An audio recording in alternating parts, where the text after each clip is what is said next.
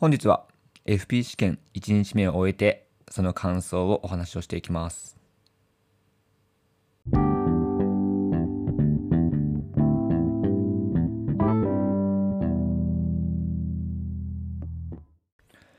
皆さんこんばんは。ヒロトのフラット独り言、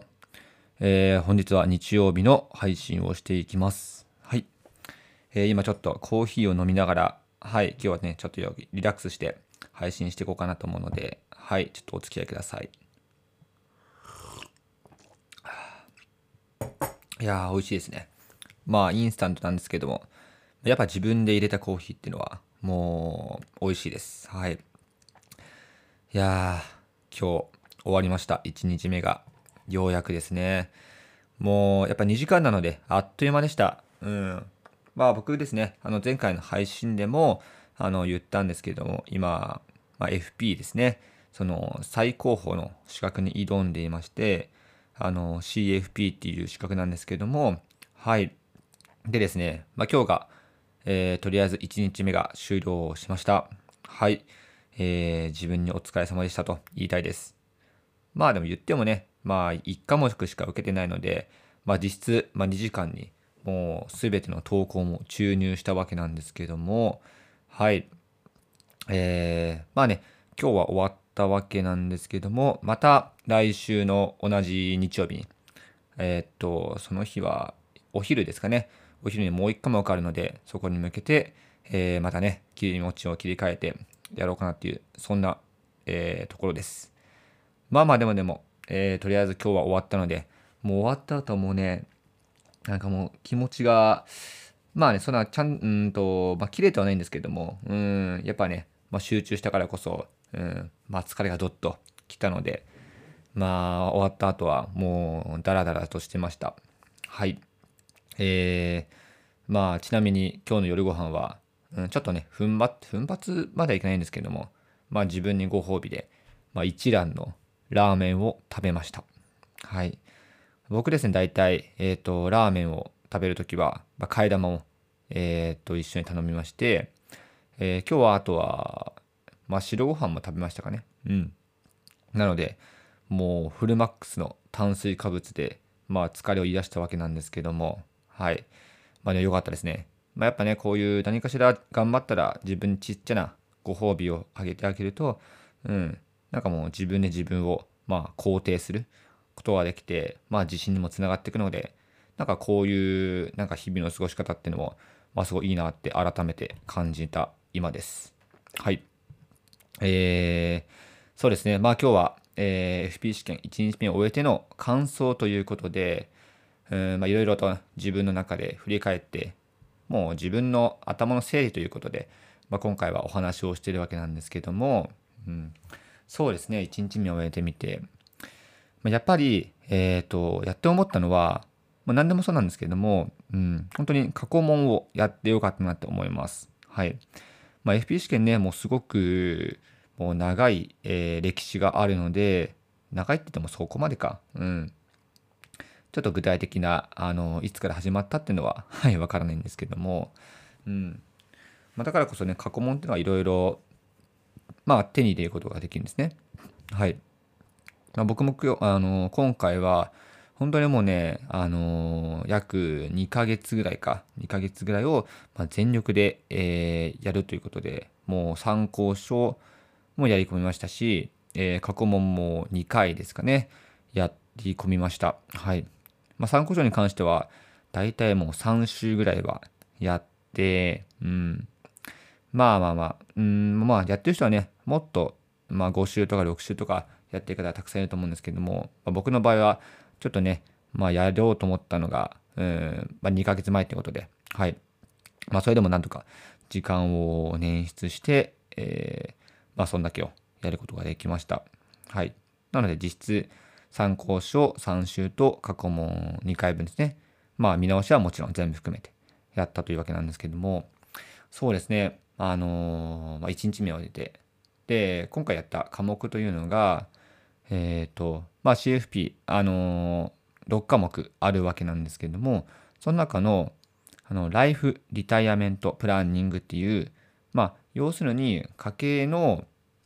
何て言うんですかね、まあ、将来設計とか、将来のイベントに対して、まあ、こういうお金を用意しようねとか、あとは、まあ、こういう保証がありますよっていうことを、うん、まあ、勉強して、まあ、それを今回試験という形でやったわけなんですけども、まあ、そうですね、このライフリタイアメントプランニングに関しては、まあ、前回の配信でも言ったんですけども、僕、一回落ちてるんですね。はい。あの、去年の、本当に同じ時期、11月の、えー、前回は十何日ぐらいでしたっけね。うん。まあ、日曜日にやったんですけども、まあ、その時に一回、はい、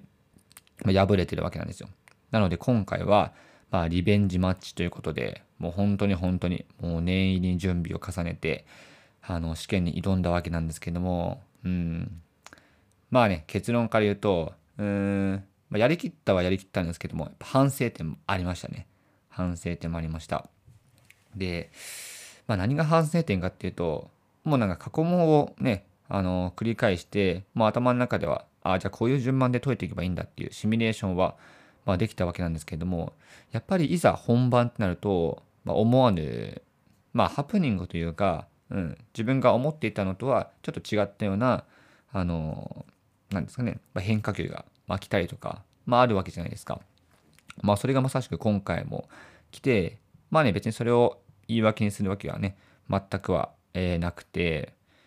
まあ、だけれども、そういうなんか、ね、張り詰めた状況だからこそ、そういう変化球が来たことに対して、ちょっとね、時間を、まあ、先すぎてしまったなっていうような部分は、まあ、自分の中で反省点としてはあったので、うんまあ、だからこそ、うんまあ、前半の方は、ね、結構時間を食って、で、後半にちょっと焦るみたいな、まあそういうよくありがちなことを、うんまあ、気をつけつつもやってしまったので、まあそこはすごい反省かなと思います。はい。まあなんですけども、でも、えっ、ー、と、まあね、自分の中で良かったなと思ったのが、うん。まあこれはね、完全に僕の、まあ独り言なので、はい、言わせていただくと、えっ、ー、とですね、まあ、問題を、えー、始まった時に、もう最初の、ね、初めから解かずに、まず全体から見て、で、まあ、全体で、あ、こういう問題の配置なのねってことを把握した状態で解いた。うん、これっていうのはすごいね、自分の中で、あの、良かったなと思います。うん。やっぱりですね、えー、何事もそうなんですけれども、何か問題を解くときとか、あとは、まあ、それこそ、えっ、ー、と、今だったら、もうすぐ受験のシーズンでも入ると思うので、そういうね、受験のシーズンにいる方でも、うん、何かしら、あの、試験の、ね、やる機会が多いと思います。で、そういう時に、もうね、まあ、早くやんなきゃ、早くやんなきゃと思って、一番最初から問題を解くのではなくて、まずは全体を、あの、ある程度把握した上で、あ、ここはちょっと時間がかかりそうだなとか、うん、意外と後半にも、うん、簡単な問題あるなってことをあら、あのー、ある程度自分の中で、まあ、整理して問題に取り組む方が、うん、全体的な時間のバランスの、ね、使い方が、あの、うまくできるのかなと思って、はい。まあ、そこはすごい自分の中では丸でした。はい。そこは自分自分を褒めたいと思います。はい。まあ僕ですね、そんな、なんだろう、ね、めちゃめちゃストイックとかね、そういうタイプじゃなくて、本当にもう甘いところは甘くしてい、えー、きたいなっていうタイプなので、うん。もう頑張ったことは、もう自分で素直に、え、認めたいと思います。はい。なので、今後もこういうスタイルでやっていこうと思っています。はい。で、今ね、まあ、反省点と、まあ、良かった点を、あの、一つずつ挙げたわけなんですけども、うん。まあ、そうですね。まあ、正直なところ、感触というのは、うーん、まあ、いい感触が、まあ、6割ぐらいで、悪いのは4割ぐらい。なので、まあ、ちょっとね、うん、ちょっと、まあ、受かったかなっていう、うん、けど、もしかしたら落ちてるかなっていうね、まあ当たり前なんですけどね。なんですけども、まあそういう感覚が自分の中ではあります。うん。まあでもでも、もう今日なんかは、えっ、ー、と、まあ試験があの3時半からあったので、もうその3時半の前ですね、うん、まあ1時半ぐらいまで、もう最後の見直しをもうぬかになくやったので、もう本当に悔いはないです、正直。うん。やりきったなっていう感覚が自分の中ではあるので、まあそのね、準備をちゃんとした状態で、まあ、挑むことができたっていうのは、まあすごい大きいですね。うん。やっぱりそこ大事かなと思いました。はいや。っぱ何事もそうなんですけども、うんまあ、自分が納得した状態で物事に挑んで、まあ、それで、ね、結果が出ればもう万々歳ですし、まあ、仮に結果が出なかったとしてもやっぱそこにはね、あのー、何かしらの納得感っていうのはあると思います。もちろん反省はまあしなければいけないんですけれどもちゃんとですねあのその反省っていうのもやっぱやりきった上での反省なので、まあ、非常にまあ濃い内容ってなるんですね。うんまあ、さっきも言ったように、まあ、僕の今回の反省っていうのはちょっとねあの全体のバランスは見てはいたけれども、まあ、前半に、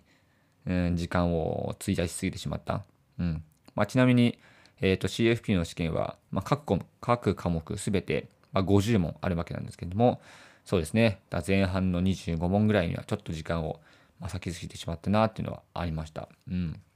まあでも、まあ、そこに関しては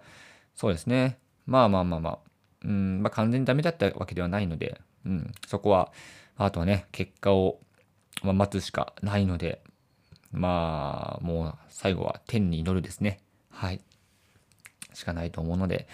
えー、まあ、合格通知が来ることを待ちたいと思います。はい。えー、まあね、今日はこんな感じで、まあ、FP 試験1日目を終えたということで、